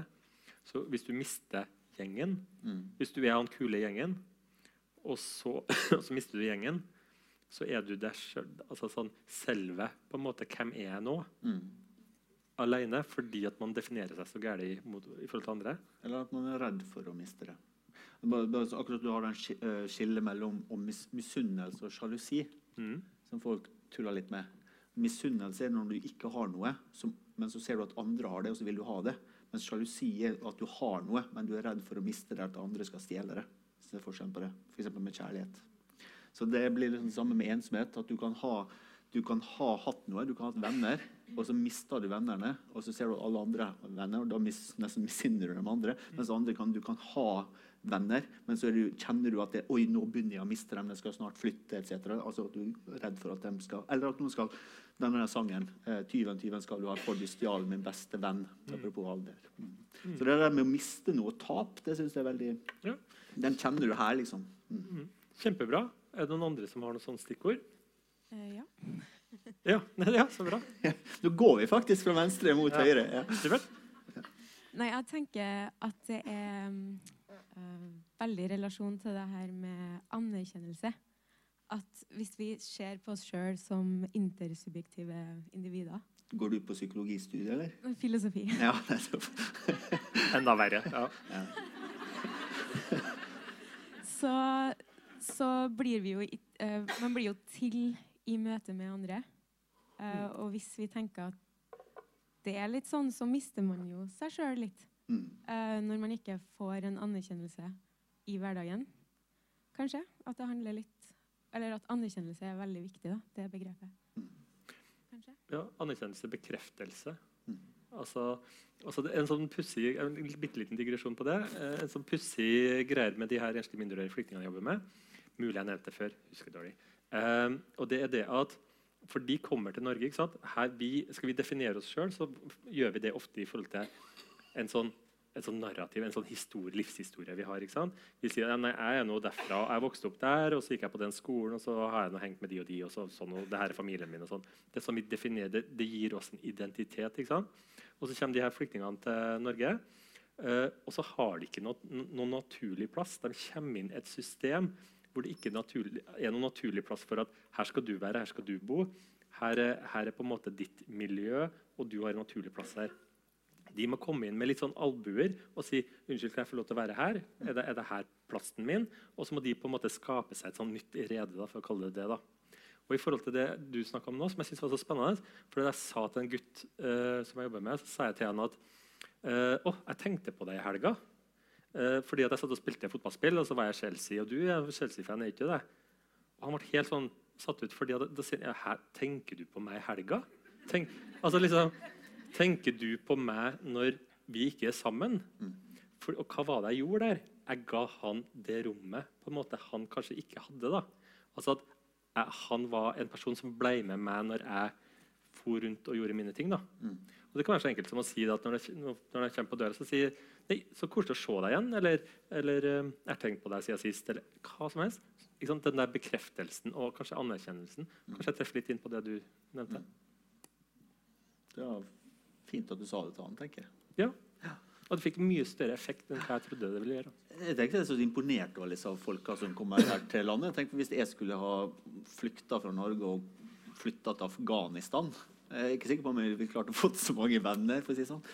Eller Eh, veldig mange venner. Det kan fort være. Ja, men altså det, det er jo det, Apropos ensomhet for de må jo ha, Jeg vet ikke om de har en plan for det, eller om de får hjelp til det. eller et eller annet sånt, ting, da, Men det er jo vanskelig nok å begynne på en ny skole om ikke du skal lære språket. Så jeg tenker at noen bør si noe om det. Hvordan får folk det til? For Jeg ser for meg at det er veldig vanskelig da, uten familie og traumatisert og i sorg. bare så det er sagt. Ja, ja og det er jo en stor integreringsdebatt. Men vi kan, gå, vi kan komme inn på det etterpå. Jeg har lyst på en der, ja. Er det noen som har? Uh, ja, men jeg, jeg tenkte på det her med Jeg etterlyste ulven da, i Ja. pausen. Uh, og, og det var fordi at uh, når jeg kom hit, når jeg så tittelen, så var det fordi at uh, jeg forbinder litt det der ensomhet med, med en angst eller en uro. Mm. Ikke sant? At det er skummelt å havne i den ensomhetsfølelsen, for å si det sånn, så, som ikke nødvendigvis er, er der hele tiden, men som noen ganger kan liksom eh, treffe meg, ikke sant? uten at jeg nesten jeg, uten at jeg er forberedt. ikke sant? Og da, da hen, hen, hen, henger det ofte sammen med en sånn uro for å bli i det jeg, jeg er, som er ensomhetsfølelsen. da, ikke sant? Så jeg blir veldig sånn rastløs i forhold til å gjøre noe annet. Mm. Så, så ja, hvis dere kan utdype det litt, så hadde det vært fint. Men hvor er du hen? For jeg, jeg hører stemmen Der, ja. Takk. jeg syns det er så greit å se deg. Ja, ja, ja, jeg trodde at du så meg. Nei, jeg gjør ikke det. Jeg bare ser bare et sånn mørkt hav der ute. Ja, Det, det var uh, dere som slukket lyset. Ja, ja, ja. Helt vår skyld. Uh, skal hun få en pils, eller? Ja, det er der pilsen går. Eh, Unge mann. det var- Unge mann. Uh, ja, uh, og det er det jeg tenker vi, vi er litt innpå her nå. fordi jeg, jeg, tenker jo at den ensomheten er veldig ofte den der mer sånn kroppslig, den sånn nagende følelse av et eller annet som mangler. At, det, uh, at man eh, ikke svetter men, men, men, på en måte man, man, kjenner det ganske kroppslig. Og, og, veldig mange forteller jo også om en sånn veldig sånn endra tidsfølelse. At plutselig så er på en måte ti minutter kan virke som åtte timer. Uh, så det er, en veldig, sånn, det er en veldig sanselig opplevelse tenker jeg, å, å være ensom. Og den ligner veldig på angst. Håper ikke så mange av dere har angst, men angst er igjen da hvis jeg skulle velge hvilken diagnose jeg ikke ville hatt, så ville jeg heller ikke hatt angst enn psykose, f.eks. Det høres jo, og det er dumt igjen å sammenligne. Men altså den uroen Og nå jo, bruker vi ganske mye sånne fancy uttrykk her, men sånn eksistensialistisk angst. altså det, At det er et eller annet som ikke stemmer, uvirkelighet. Hva er det her? Hva skjer? At det er en, en gjennomgående følelse av mangel på kontroll. da. Eh, og det der med ikke bli sett, som er en veldig, også en veldig sånn mm, fysisk opplevelse. Altså Når folk ser på deg, så kjenner du i kroppen at du blir glad. på en måte. Og ikke bli sett, så føler du at det er et eller annet Man føler en slags mangel. Hvis noen ser på deg, så får du følelse av å være glad. Og det, også det som skjer videre inn, er mm. oksytocin. Mm. Det det hele systemet. Da. Ja. Men, men, den følelsen jeg tror for folk som ikke har uh, Men det siste du skulle si, som jeg er, er veldig enig med, at veldig ofte når man føler ensomhet, da, så har ikke man lyst til å kjenne på den følelsen. Og det er en ting som Moderne forskning på, på, psykologisk behandling har lært oss, at det er, du kan ha så mange diagnoser du vil, men det som er felles på folk når de har problemer, som gjør at de blir stående i problemet, er at de prøver å unngå følelsen. Så Hvis du har en ensomhetsfølelse eller har angst, så er det ganske naturlig at du ikke vil kjenne på den, for den er så vond. Men det å nekte å kjenne det, å prøve å unngå en følelse For det første er det umulig. Den bare biter deg en annen plass. Men også det også, å, å gutse og bare kjenne på den ensomhetsfølelsen eller angsten eller depresjonen. eller hva Det nå er for noe, det er liksom første steg mot på en måte å gjøre noe med situasjonen. Men jeg tror også at veldig mange med, med ensomhet og mange andre gjør hva som helst for ikke å kjenne på den ensomheten. Og da, det folk gjør uh, for ikke å kjenne på følelser, er stort sett å stimulere seg på andre områder. Altså Det å se på dårlige TV-serier, det å ha ukritisk sex eller gudene vet, kan være hva som helst. Man må gjøre nesten hva som helst for å ikke kjenne på den følelsen. Og det vil vanligvis bare opprettholde følelsen. Mm. Jeg har lyst til å ta én til. Det var i han, dere. Eller nei, det er mikrofonmannen som bestemmer, faktisk. Han har et navn. Han har et navn. Nå ser han. Even, ja. Du sa det litt noe mens jeg, mens jeg holdt på hånda, men det var litt når man ikke Når man er med noen som Når man gjør Når dem man er rundt, gjør noe annet enn man sjøl gjør, men man er der for det. Mm. At, det da, at man da heller velger det og heller ha det vondt på den måten enn å ikke gjøre noe. da. Det var litt det du sa nå, men Ja. Nei, men vet du hva, jeg synes For det første så, så, så syns jeg det du sier, er ganske tøft. Men kan, kan du si det en gang til, uh, så jeg er helt sikker på at jeg forstår det? Jeg, bare, bare gjenta det. Når dem som man er rundt, ja. gjør en annen ting enn man sjøl vil, ja. men fremdeles velger å være med dem. Ja, nettopp. Det var det vi var inne på i stad. Altså at det, når du egentlig tenker at det, dette her er ikke bra, men du lar være å si noen ting, for du tenker heller at det er bedre å ha dem rundt deg allikevel. Er det det du tenker på? Ja. ja. ja og det, det, i forhold til det, det var vel, veldig godt sagt. Takk, takk, takk, skal du ha. Det kommer litt tilbake også både til følelsen av ensomhet og konsekvensen av ensomhet. Nettopp fordi du er redd for da, at hvis du da enten sier at du er enig, eller uh, at du sier nei til det de gjør mot deg eller mens du er i nærheten, så er du redd for at det, i så fall da så mister du dem. Og Da blir du litt sånn fanga. For da, da, da, da, føler, da vet du at dette her er ikke bra, og at du burde kanskje ha sagt det, men så tør ikke du for at konsekvensen kan være så stor. Og Da er du egentlig fanga i en veldig ekstremt ubehagelig konflikt. vil jeg tenke da. Mm. Uh, og jeg forstår veldig godt at i en sånn situasjon at folk ikke på en måte skulle si, anførselstegn gjør opprør, bare så det er sagt. Eh, men, men, det er jo kanskje det du bør ta noen runder med deg sjøl om. Kanskje før eller siden så må du ta det opprøret likevel. Eh, så kanskje da skal du heller velge sted, sted og tid heller enn bare utsette og utsette det. Men dette her er en sånn ting som er nesten man må ta en individuell eh, her, her bør du kanskje ha en person I en sånn situasjon så tror jeg det er umulig å løse sånne problemer uten av deg sjøl. Da må du nesten ha en eller annen fyr å snakke med, om det er en psykolog eller en lærer eller en god venn. Eh, Men det er en ekstremt ubehagelig situasjon eh, å stå i, som er rett i på en måte ensomhetens vesen. For å si det sånn. Og jeg tror ikke det er så uvanlig heller. Nei, det jeg tror faktisk det er veldig vanlig. Sånn at, og det er utrolig vanskelig og sånne ting. Og man mm, blir sittende med hva, hvilke konsekvenser tror jeg det her får. Og så kan man hende at man overvurderer eller kanskje undervurderer det. Men man vet ikke. Og det, og det er en veldig skummel situasjon å være i. Så, det er det som også ligner litt på angst og depresjon med ensomhet. Det at du får den der eh, frem og tilbake mellom at du har en i en veldig vanskelig situasjon, sånn 'damned if you do and damned if you don't'-situasjon. Uh, og så sitter du da og bekymrer deg over hva som kan skje. Sånn tenkvis eller envis. Og så mens du gjør det, så kommer det opp ting som har skjedd før. Der du kanskje gjorde et eller annet med situasjonen når det gikk dårlig. og Da går du tilbake til fortiden, og da kan vi få grubling. Og så spretter du sammen fra grubling som er fortid, og bekymringer som er framtida. Og det blir man fryktelig sliten av. Og så har du sittet der i fire timer og grubla på det og ikke kommet et spøtt lenger. Mm. Og det, det, er, det er mange som gjør, altså. Mm. Og da ikke har energi heller til faktisk reise seg opp av stolen og komme seg vekk fra en ubehagelig situasjon. Så Det tror jeg veldig mange gjenkjenner seg i. Men når du er ensomhet og kanskje med litt angst og depresjon og kanskje en trist historie i bakgrunnen, så blir dette fryktelig fryktelig vanskelig. Så jeg så veldig respekt av sånne folk som allikevel klarer å stå i det, og kanskje i tillegg klarer å ta kontakt, for da må du ha hjelp, tenker jeg, i, i mange situasjoner. Ja. nå er vi, vi er fortsatt litt på eh, når ulven kommer. Hva, hva er ulven? Det er ei som har vært kjempeflink og hatt handa oppe kjempelenge. nå. Altså, Så tar vi Og der også. Da tar vi de. Rett foran meg, vet du. Men, Da tar vi, da tar vi de, og så, for å beskrive litt ulven, og så går vi litt videre. og Da har jeg litt lyst til å snakke om uh, forskjellige grupper etterpå. Ja, jeg har egentlig noe annet spørsmål. og Det er litt i forbindelse med det dere snakka om i starten. Nå har det vært veldig mye fokus på det hva ensomhet er, og hvordan det er å oppleve det, hva slags følelser man har, hvordan det kjennes kroppslig. Men det dere nevnte helt i starten, er at, vi også, eller at dere også skal rette fokuset på eh, hvordan man skal håndtere ensomhet. Så jeg håper at etter hvert at dere kommer inn litt mer på det. da. Så bare en sånn kommentar i forhold til det. Takk for det. Det blir siste minuttet, tenkte vi skulle. Ja, det, det kommer, det, på, på blokka. Vi har en slags plan, men eh, noen ganger så sklir vi litt uh... Vi har, vi har en plan, og det, og det er noe vi skal innom. Men jeg liker det. Var litt sånn sl- sl- Slutt med skittpraten og kom, kom, kom, gi oss svarene.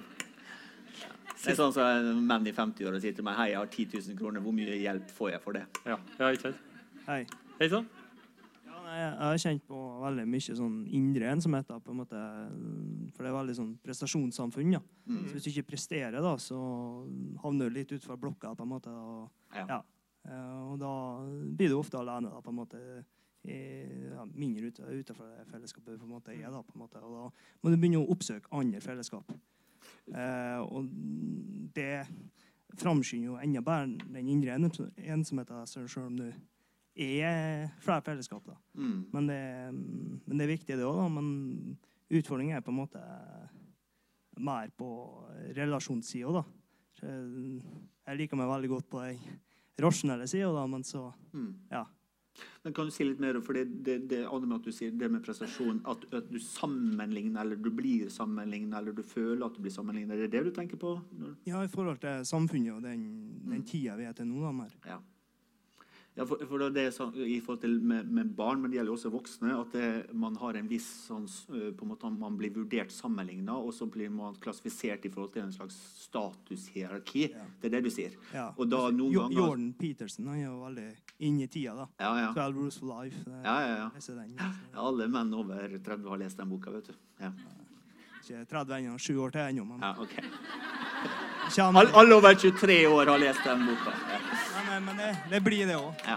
Men grunnen til at folk leser den boka, er jo fordi man kjenner seg igjen i det. ikke sant? Det er den indre ensomheten. da. Ja, riktig. Kommer til syne der, da. «Twelve 12 Rules for Life. Ja. Den, den, er, den er oversatt til norsk, tror jeg nå. Eh, Eller i hvert fall den, på engelsk heter den 12 eh, Rules of Life. Den handler, og den er da særlig, eh, Jordan Pittenson er jo særlig populær hos, hos menn da over 23 år.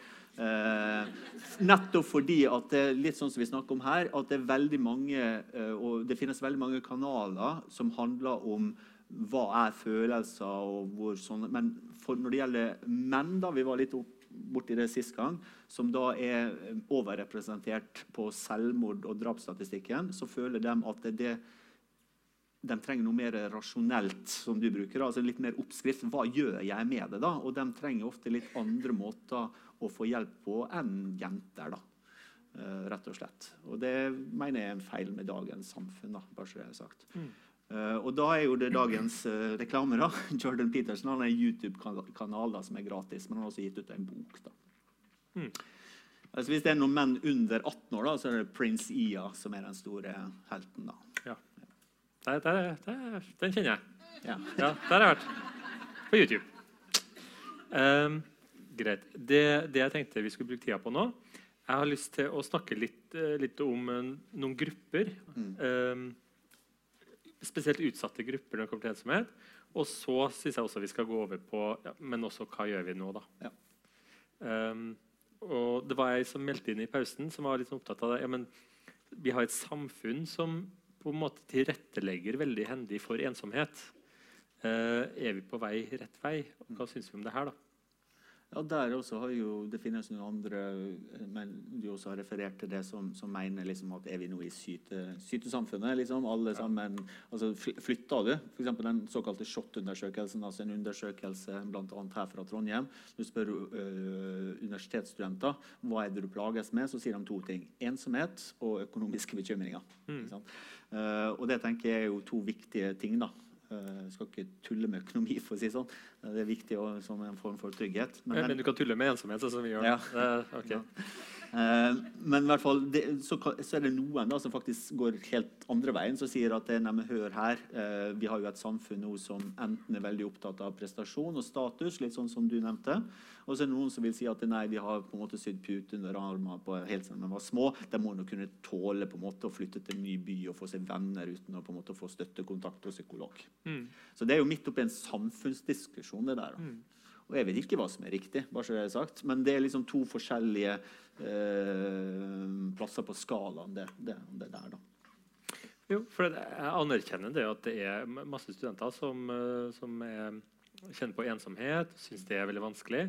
Men sånn, på den andre sida så jeg blir jeg så nysgjerrig. Mm. For at er det noe altså, er det en periode av livet mitt jeg har vært sosial, ja. så var det når jeg bodde i kollektiv og hadde folk springende ut og inn. og det var liksom så masse Vi var på skolen, Mm. uh, universitetet her, masse, og det var liksom det var så veldig tilrettelagt for det sosiale. Mm. Så hva er det da? Er det på en måte det som har blitt nevnt tidligere her? Den der følelsen Ja, jeg har masse folk rundt meg, men jeg er fortsatt ensom Mm. fordi at jeg ikke blir anerkjent, som ble nevnt, Mm. at jeg ikke blir sett, at det er bekreftelse.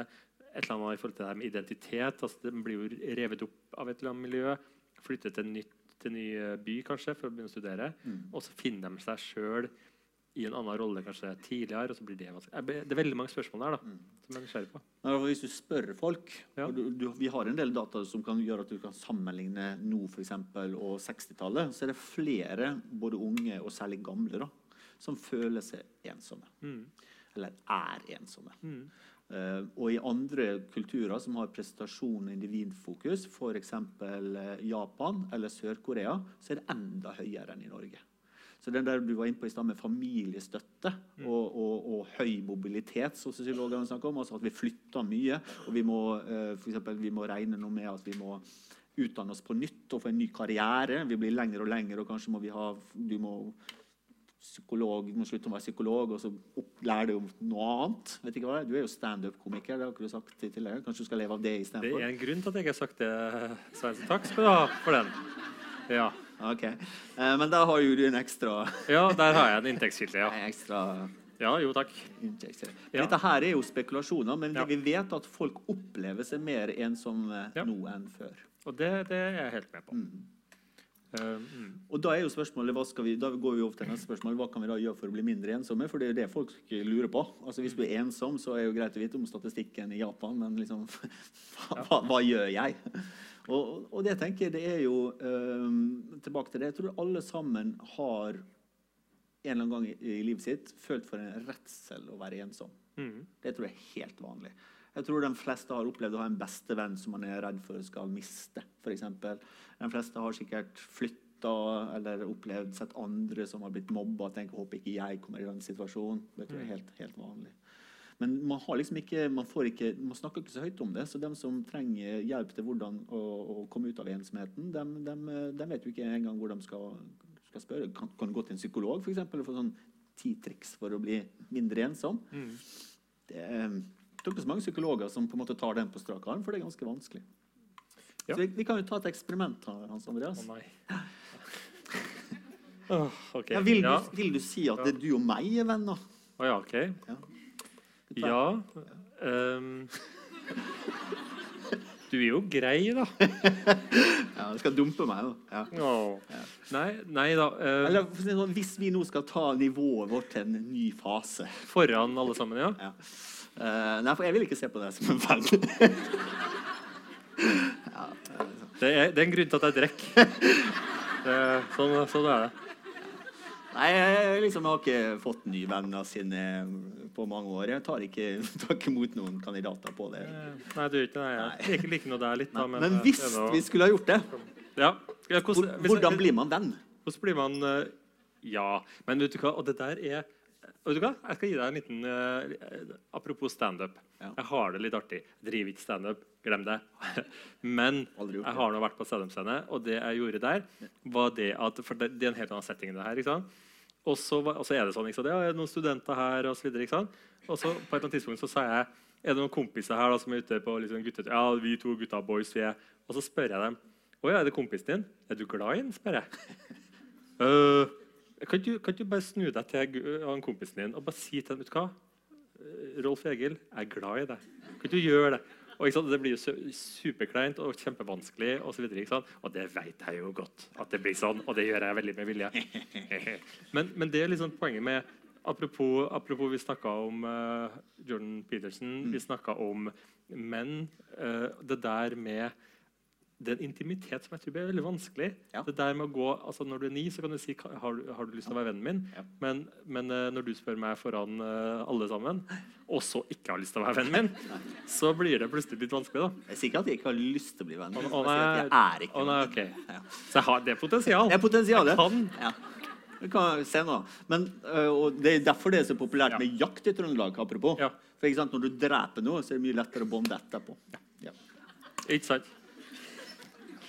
Drap eller krig eller jakt. Men, øh, men nei, altså det som skjer, du, du ser det veldig tydelig med, med, med barn, hvordan de blir venner. Jo, øh, Man kommer til et punkt der du skal ha felles interesse og alt det greiene der. Uh, og så, når du kommer til neste biten, fra bekjent da, til venn, så begynner man å dele uh, personlige ting. Og da er det der som veldig mange tuller det til, da, og særlig dem som kanskje ikke har hatt så mye trening på sosiale ferdigheter, f.eks. fordi de er mobba, eller fordi de ikke, kanskje ikke er født med så mye gode ferdigheter på akkurat på det området der. Det er jo forskjellig. Så går de enten for treigt frem eller for fort frem. Så for eksempel, jeg gir det, da blir på en måte, for eksempel en hemmelighet blir en valuta. Så jeg gir det en hemmelighet, og så tar du oi, tusen takk for hemmeligheten, og så gir du meg en hemmelighet tilbake. Og så du det her gikk jo fint, da gir jeg deg en større hemmelighet, og så får du en større hemmelighet tilbake. Og så stoler jeg på deg og på en måte tester vennskap, og så består du testen, og så, sånn går vi. Det er det som skjer. Altså Det er en utveksling av eh, si, Hvis det var noen sosiolog eller filosof her, så ville det en sånn en sånn gave ut, altså en symbolsk gaveutveksling. da. Fortrolighet. Ja, og den kommer jo gjennom atferd. Og noen personer, for eksempel en klassisk, Jeg har jobba mye med jenter som, kutt, som kutter seg. da. De går for fort frem. vet du. De, måte de har en person som er hyggelig, og så tenker de endelig møtte en hyggelig person, og så forteller de hele livsstilen. vet jeg kutta meg, og alt mulig sånn. Og så sitter jo folk egentlig og er høflige og syns eh, synd på det, men og så uh, dette gikk for fort frem. Og så forsvinner de ut. Og Da vil den personen kanskje bli enda mer desperat og ser ikke det at den personen her har egentlig ikke lyst på kontakt. eller oh, det gikk for fort frem, Så han bare blir, på en måte fortsetter uten å, å, å regulere det. Så en av dem, det er den helt klare, sånn, Når jeg snakker med, med, med ungdommer og barn som ikke har mange venner, så blir de veldig desperat. Men den desperasjonen kødder det til for dem. da, for det er på godt norsk. Så det er en sånn typisk feil at man, ikke, at man ikke forstår det eller går for fort frem. Og naturligvis, da, for man vil jo gjerne ha en venn. Mm. Uh, og så har, eh, vil jo folk eh, Folk er jo ikke ærlige. De sier jo ikke at 'nei, vet du hva, du hadde gode potensial, men du gikk for fort frem på den symbolske gaveutvei. Derfor så trekker jeg meg stille ut'. Uh, men jeg tør ikke å si det direkte til meg, men vær så snill, please don't break home. Så det er en sånn klassisk eh, bit. Og, og sånn Grovt sett så kan du si at hvis du skal ha en venn, så har du to muligheter. Enten så kan du gå den individuelle veien, og da finner du en vennekandidat. Hvis du, da. Eller så finner vi en eh, venner, da, så- så Eller så finner vi en gruppe. Ja. For folk flest blir jo kjent med folk gjennom arbeid eller fritidsinteresse eller skole. Og klart, Det beste er jo hvis for eksempel du og meg skulle blitt eh, venner, eh, som jeg ikke har noen planer om heller, bare så jeg har sagt.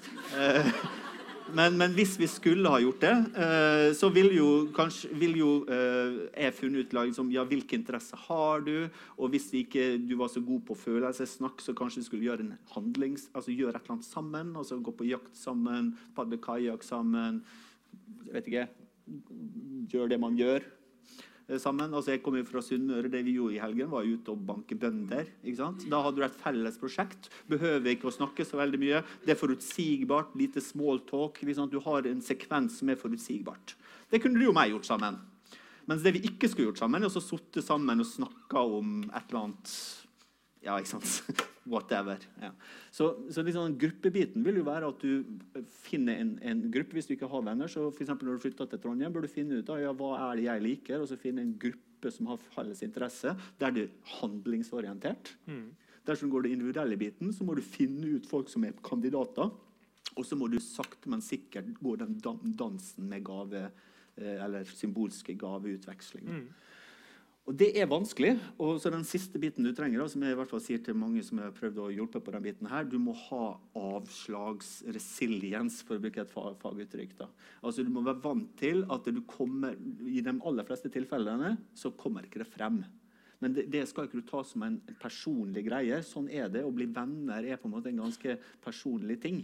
Så du, man sier, man må kysse mange frosker for å finne en prins. og Det er det samme med venner også. Og noen personer, særlig hvis de har blitt traumatisert og mobba eller har dårlig selvbilde, vil du da tenke at det, eh, hvis ikke det gikk den gangen her Nei, typisk meg, jeg får det ikke til. Mm. Men nei, du, akkurat som eh, du kan ikke så mye om dating, da, men må ut og på en måte og, og være der da, og ikke gi opp. Ja, og å være der er et, et stikkord, for det er jo ingen som kommer på døra di. Bortsett fra noen bøssebærere. Eh, sånn, at, sånn at det der med å gjøre seg sjøl tilgjengelig er også viktig. Også sånn be out there. Vær i kantina på universitetet hvis det er der du er. Selv om det er vondt, altså. Ja. Og Det er ofte der folk på en måte av naturlige grunner vil unngå sosiale situasjoner, for de er redd for at ikke det går. Og så Mm. får du den onde sirkelen. Mm. I hvert fall det, det er på en sånn, hvis, skulle, hvis jeg skulle lage en sånn Jordan Peterson sånn 12 rules for life, eh, så ville jeg hatt et kapittel. Ja, jeg ville hatt et sånt, kapittel, Hvordan får man en venn? Og Da ville jeg på en måte tegne opp det der eh, litt mer. Det er hvordan jeg tenker. da. Men nå er jo jeg en mann på 50 år fra Sunnmøre, og vi har en hel sal her med folk vi kan få gode tips på. da, bare så det er sagt. For eksempel hun som stilte spørsmålet. Ja. Jo Um, Jeg satt nå, jeg satt nå og Innimellom sitter jeg og tenker når du snakker. da. Det, Ja. Du må si det der du bruker å si om deg sjøl. Hva var det? Det er mest søt. Å ja. At uh, uh, Veldig søt, men er ikke så smart, da. Er det det? Nei, du sier at jeg er ikke så smart, men jeg er veldig søt. Å ja, det er det? er. Same, same, but different. Uh, jo, hva var det jeg tenkte på? Det var i forhold til det her med å gjøre seg sjøl tilgjengelig. Jo, eh, fordi at det var også um, ei som nevnte her at det der redselen for å være ensom ikke sant? For den også, jeg tenker på alt det rundt ensomheten, som ikke handler om nødvendigvis ensomheten i seg sjøl, men som ødelegger for oss. Den der Hvis vi har litt angst for å bli ensom, så blir vi også kanskje litt sånn overivrig og, og litt sånn paniske i det vi faktisk skal bli. Prøve å få oss noen venner. Og så blir det noe klabb pga. det. Eller man er veldig trist fordi at man nei, jeg er noe, jeg er noe, det, jeg får, Nå har jeg akkurat flytta til Trondheim, jeg har vært der i to uker snart og nå ennå ikke fått noen kontakt med noen. Og så sitter du der og, og er kjempetrist. Da er du heller ikke en person som folk tenker det der er en kar jeg vil ha på festen min. Eh, for eksempel, da. Sånn at alt det som ligger rundt ensomhet nå, tror jeg vi må ha en bevissthet rundt. Men hvis du snur på det og tenker som så at det, det vil alltid være en fase i livet ditt der du enten er ensom, eller der du er i risiko for ensom, eh, så tenker jeg det blir lettere å ta tak i det. For da normaliserer du litt. For jeg tror det er ganske normalt. da. Mm. Eh, og så Da må du tenke sånn at ja, ok da, nå er jeg i en fase i livet mitt da, der jeg er ensom eller på vei til å være ensom. Sånn er det. Og så på en måte tenke som så det begynner der, og så mer lage en høres jo veldig skulle si, litt sånn rart ut da, men lage en strategi da, for hvordan man skal klare å komme seg ut av det. Og Det handler om at man må tåle å være i ensomheten, og så tåle ganske mye at man ikke får til å få venner en periode. Mm. Sånn er det ellers i livet òg. Det er veldig sjelden man får til ting for første gang eller andre gang eller tredje gang. Ja. Man skal ikke gi opp av den grunn. For, hva tenker dere om det som blir sagt her nå? Um, Jo, jeg tenker på um, ensomhet. Jeg, jeg ser jo òg på det som en periode, en periode i livet mitt hvor jeg var ganske så ensom. Så ser jeg òg på at det var en periode hvor jeg vokste mye som menneske. Mm. Uh, som var med på å definere hvem jeg er nå, og hva jeg ønsker å holde på med. Mm. Så jeg ser ikke på det som sånn dønn trist og Nei. trasig, liksom. Mm. Eh, og det kan godt handle litt om at jeg var i en situasjon hvor, hvor, hvor det var tydelig at jeg var ensom. Mm. Eh, men jeg tenker på det òg som grunnlag for vekst Mm. som menneske.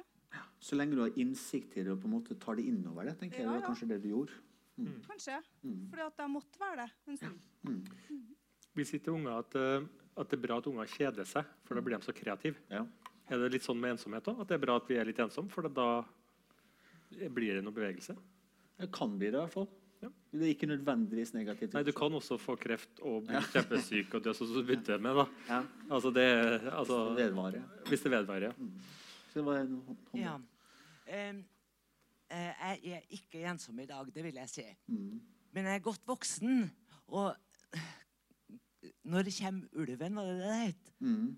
Og jeg tenker at ulven for meg, det er den dagen at eh, mye av mine, mine venner, familie, forsvinner. Hvis ikke jeg forsvinner før. Ja. Og det å bli sittende på et sykehjem. Ja. Det, det betyr for meg veldig ofte det her med tap av status. Hvem var jeg? Hvem er jeg? Ingen kjenner historien min. Mm. Og ingen er kanskje så interessert i den heller. Nei. Og ofte blir personalet dem som blir sittende alene i gruppa, og pasientene rundt veggene. Ja. Det er ulven for meg, da. Ja, det var veldig, veldig godt uh, sagt. Eh, og, og da går, går egentlig det, det, Veldig mange har jo hørt om det, og det er jo en, en fakta at når du har levd et langt liv med den du er glad i, og den dør, så dør faktisk man ikke så langt unna. Eh, altså, vel mange eh, Jeg vet ikke om vi kommer tilbake til det med tosomhet eller ikke, men, men det er veldig tett inntil. Eh, og det du også sier, det med verdighet. Det å ikke bli sett. For jeg tror den verdigheten du frykter, som beskriver veldig godt, er jo nettopp til at man hva skjer da? Når det du er borte, så er det liksom borte. og Den følelsen i seg sjøl er veldig veldig ubehagelig. Når du har folk som lever og som er glad i det, så føler du at du har noe som er mer varig. Så det, Jeg tror veldig mange deler den følelsen du sier der, med et sånn skrekkscenario å sitte sånn bortgjemt og, ja, i en krok. Men noen opplever det. Eh, bare så det er sagt. Og, og klare på en eller annen måte å få tak i en verdighet. Og det er kanskje litt sånn den som du sier, som på tross av det der faktisk klarer å eh, ikke gi opp, men å smile av og til og beholde en rest. Mm. Vi kan ta, vi, tar, vi rekker ett spørsmål til. Uh, hei. Jeg er litt sånn usikker på hvordan jeg skal formulere det. Men hva dere tenker rundt å ha en form for ensomhet som uh, bunner ut i at man eh, tenker på en sære, ganske særegen måte, som Mm. gjør at man rett og slett generelt sett har få som man kan bygge en form for en nær, nær relasjon til. Mm. At det på en måte den naturlig sett er bare få personer som man eh, kan si, klaffer overens med. Ja. enkelt. Tror, altså, det kan jo være mange grunner til at man er sånn. Det kan jo være f.eks. enkeltpersoner med med f.eks. utviklingsforstyrrelser eller folk med ekstremt særinteresse, eller fordi de bare er annerledes enn en, en befolkningen, kan ha det sånn. Det store spørsmålet er om det plager deg eller ikke. Det er jo punkt én. For hvis det ikke plager deg, så, så er det ikke noe problem. Og da er vi tilbake til det fordelen med internett og digitale ting. Da er jo nettopp at det, da har jo det mye større grad til å treffe folk som du faktisk kjenner igjen ved, for da har hele verden din, eh, din uh, mulighet til å treffe folk. da, ikke sant? Eh, tilbake til når, når, Hvis du i, hvis du er 16 år og er interessert i franske tegneserier, og du bor på Sunnmøre f.eks., så er det ikke så veldig mange du kan diskutere det med. Og da føler man seg ganske rar og annerledes. Eh, men det er klart det da å flytte til Bergen eller i disse dager da ha en internettverden der du kan hooke opp med dem, vil da være ekstremt viktig. Men Spørsmålet er jo om, om, om, det du beskriver, om det er sant eller om det er feil. Da. Det kan jo hende at, har, at, man har flere strenger å spille på enn man faktisk tror. Og det kan hende at andre folk forstår mer av det du forstår, på tross av at du tror det motsatte. Så jeg ville jo vært litt nysgjerrig på det først, da, før jeg konkluderte på det. Mm. Fint. Um, jeg tenker det at klokka går, uh, og vi skulle vært ferdig for en uh, 20 minutter siden. Ja, ja. Skal vi det? Nei, det tror jeg ikke. Uh, vi begynner å nærme oss uh, overtid, i hvert fall. Ja. Um, så jeg tenker vi må begynne å runde av uh, nå. Har, det, har det, føler, føler, dere at dere har fått svar på det dere kom og lurte på? Nei, det var et rart spørsmål. Fikk, ja. Reformuler det. Ja, reformuler meg. Ble det greit? Hvordan var det? Vi, vi, håper at det var Vi har vært innom veldig mye, føler jeg. da. Um, jeg tenker det at, det, jeg syns det var veldig ålreit. Jeg synes det har vært uh, folk som har snakka i dag, som har vært veldig modige. Mm. Uh, som også har snakka også vært litt uh, personlig. syns jeg er supert. Um, nå er det sånn at vi skal komme tilbake her den 7. november. Da er temaet søvn. Så da er Altså, når søvnvanskene kommer, hva gjør vi da? Og alt fra såkalt lucid dreaming og mareritt og drøm. Ja, vi, vi bruker veldig mye tid eh, til, Vi bruker mye til å sove. Men vi vet liksom Hva vet vi om det egentlig?